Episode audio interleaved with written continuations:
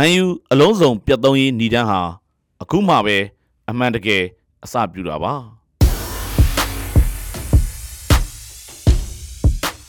ဒီလိုခေါင်းစဉ်ကြောင့်မန်ယူအားပေးသူပြည်သက်တွေသဘောမတွေ့တာမျိုးဖြစ်ကောင်းဖြစ်သွားနိုင်ပါတယ်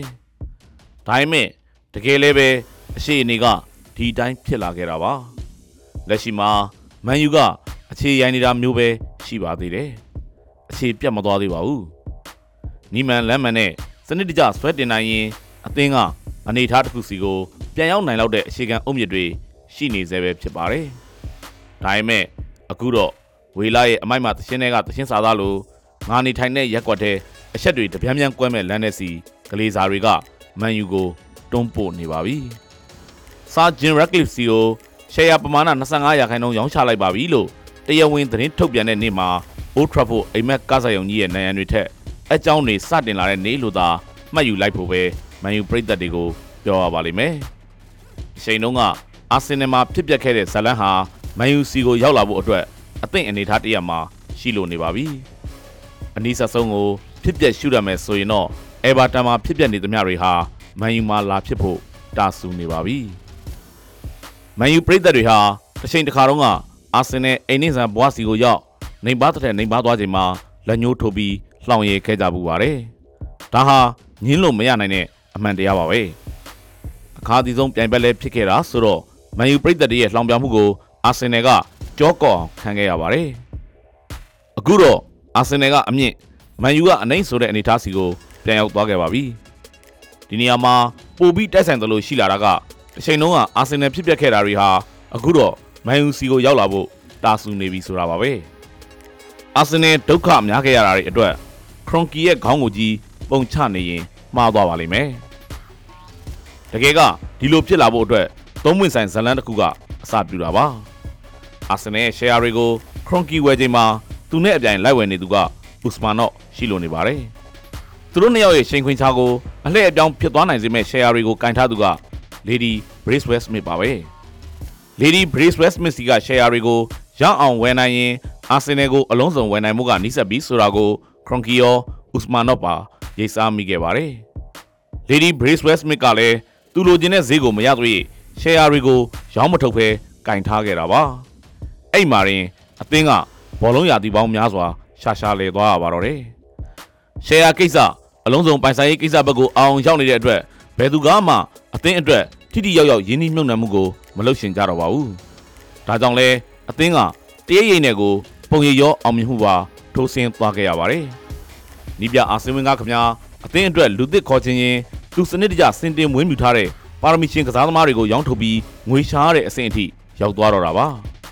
နောက်ဆုံးမှာ Lady Bracewell Smith ကသူပိုင်တဲ့ share တွေကို Kroenke စီရောင်းထုတ်ပေးလိုက်တော့အာဆင်နယ်ကိုအလုံးစုံပိုင်ဆိုင်မှုအတွက် Kroenke ကလမ်းပွင့်သွားပါတော့တယ်အနစ်ချုပ်ပြီးပြောရရင်တိတ်မကြခင်မှာပဲ Usmanov ကသူ့ share တွေကို Kroenke စီထိုးရောင်းပြီးအာဆင်နယ်ကနေ ထွက်ခွာသွားခဲ့ပါတော့တယ်အဲ့ဒီမှာဇလန်းကမပြီးသေးပါဘူး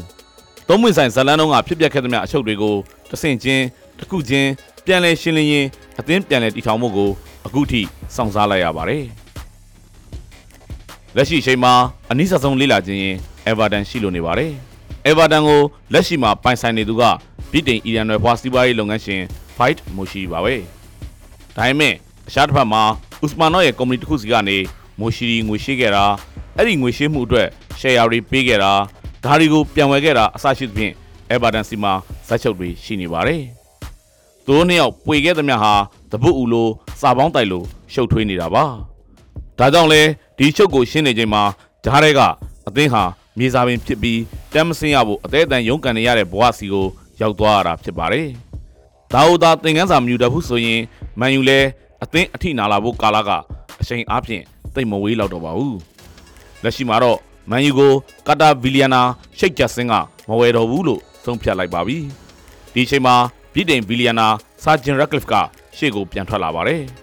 မန်ယူရဲ့ share 25ရာခိုင်နှုန်းကိုအမေရိကန်ဒေါ်လာ1.3ဘီလီယံနဲ့ဝယ်မယ်လို့သူကကမ်းလှမ်းလိုက်ပါတယ်အခုတော့မန်ယူ share 25ရာခိုင်နှုန်းကိုဆာဂျင်ရက်ကလစ်စီရောင်းချလိုက်ဖို့ကအတော့ကိုနီးနီးဆက်ဆက်ချီသွားပြီလို့သတင်းတွေကဆိုပါတယ်အခုသတင်းပတ်ထဲမှာ ဒိုင်တာဘုတ်ဖွဲ့အစည်းအဝေးလုပ်ပြီးရင်ဆာဂျင်ရက်ကလစ်စီကို share ရောင်းမယ်မရောင်းဘူးဆိုတာကယတိပြတ်အပြေပေါ်လာတော့မှာပဲဖြစ်ပါတယ်တကယ်လို့ရှယ်ယာအယောင်းဝယ်ဖြစ်သွားခဲ့ပြီဆိုရင်တော့အာဆင်နယ်နဲ့အေဗာတန်တို့ဖြစ်ပျက်ရင်ဆိုင်ခဲ့ရသမျှအရာရာဟာမန်ယူစီကိုတဆင့်ချင်းရောက်လာတော့မှာပဲဖြစ်ပါတယ်ပါဝါအပြိုင်မှုပါဝါလွန်ဆွဲပွဲတွေဟာမန်ယူအသင်းတွေမှာတဖြည်းဖြည်းချင်းဖြစ်ပေါ်ကြီးထွားလာမှာပါကလေးစားမိသားစုဘက်ကမန်ယူရဲ့အစီအနှစ်တွေကိုရနိုင်တဲ့လောက်ဆက်လက်ဝါမျိုးဖို့ ရှယ်ယာရောင်းမပေးပဲထိန်းထားတာတစ်ဖက်ကလည်းရှယ်ယာကိုလက်ထဲမှာပိုင်ထားတဲ့ပိုပြီးမြန်မြန်ဝယ်ယူနိုင်အောင်အချိန်မြင့်တင်ကြိုးပမ်းတာတွေကြောင့်အသင်းအကြောင်းဟာကြီးသက်တဲ့ကြီးမားလာပါလိမ့်မယ်။နှစ်ယောက်ပေါင်းရင်ကောင်းကြီးမောင်းအိုးတော်မနှက်ပါဘူးဆိုတဲ့မြန်မာစကားရှိပါတယ်။ကျွမ်းနှကောင်ခတ်ရာမြေစာပင်မခံသာဘူးလို့လည်းဆိုရိုးစကားရှိပါတယ်။ဒီတော့အသင်းရဲ့ရှယ်ယာရှင်နှစ်ယောက်အပြိုင်လေးလေးအသင်းကအထိနာလေးလေးဖြစ်ရတော့မှာပါပဲ။မန်ယူကလက်တလုံးမှာ အထိနာမှုအရန်ကြီးမကြီးမားသေးပါဘူး။စာဂျင်ရက်ဂလစ်စီရှယ်ယာရောင်းချမှုအတီးဖြစ်သွားခဲ့ပြီဆိုရင်တော့အခုထက်ပိုပြီးအရှိန်နေဆိုတာတွေကရောက်လာတော့မှာပဲဖြစ်ပါတယ်။ရောက်လာဖို့ကလည်းသိကြနေပါတယ်။မန်ယူဟာမိုက်တွင်းကိုနက်နက်တူးဖို့အခုမှအစပြုလိုက်တာလို့ဆိုရပါလိမ့်မယ်။ပယုတ်လုံးလိုလုံးပါပါတဲ့ပါပြီးတွင်းဆုံးကြဖို့အရေးဟာစာလုံးရေးစတာမို့မန်ယူပြည်သက်တွေအတွက်ကြေကွဲနေဆွဲအမြဲလိုပုံမှန်မဲ့ဇတ်လန်းတွေဟာဆက်လက်ရောက်လာဖို့ နီးစက်လုံးချင်းမကနီးစက်နေပြီလို့သာဆိုရဖို့ရှိပါတော့တယ်ခင်ဗျာ။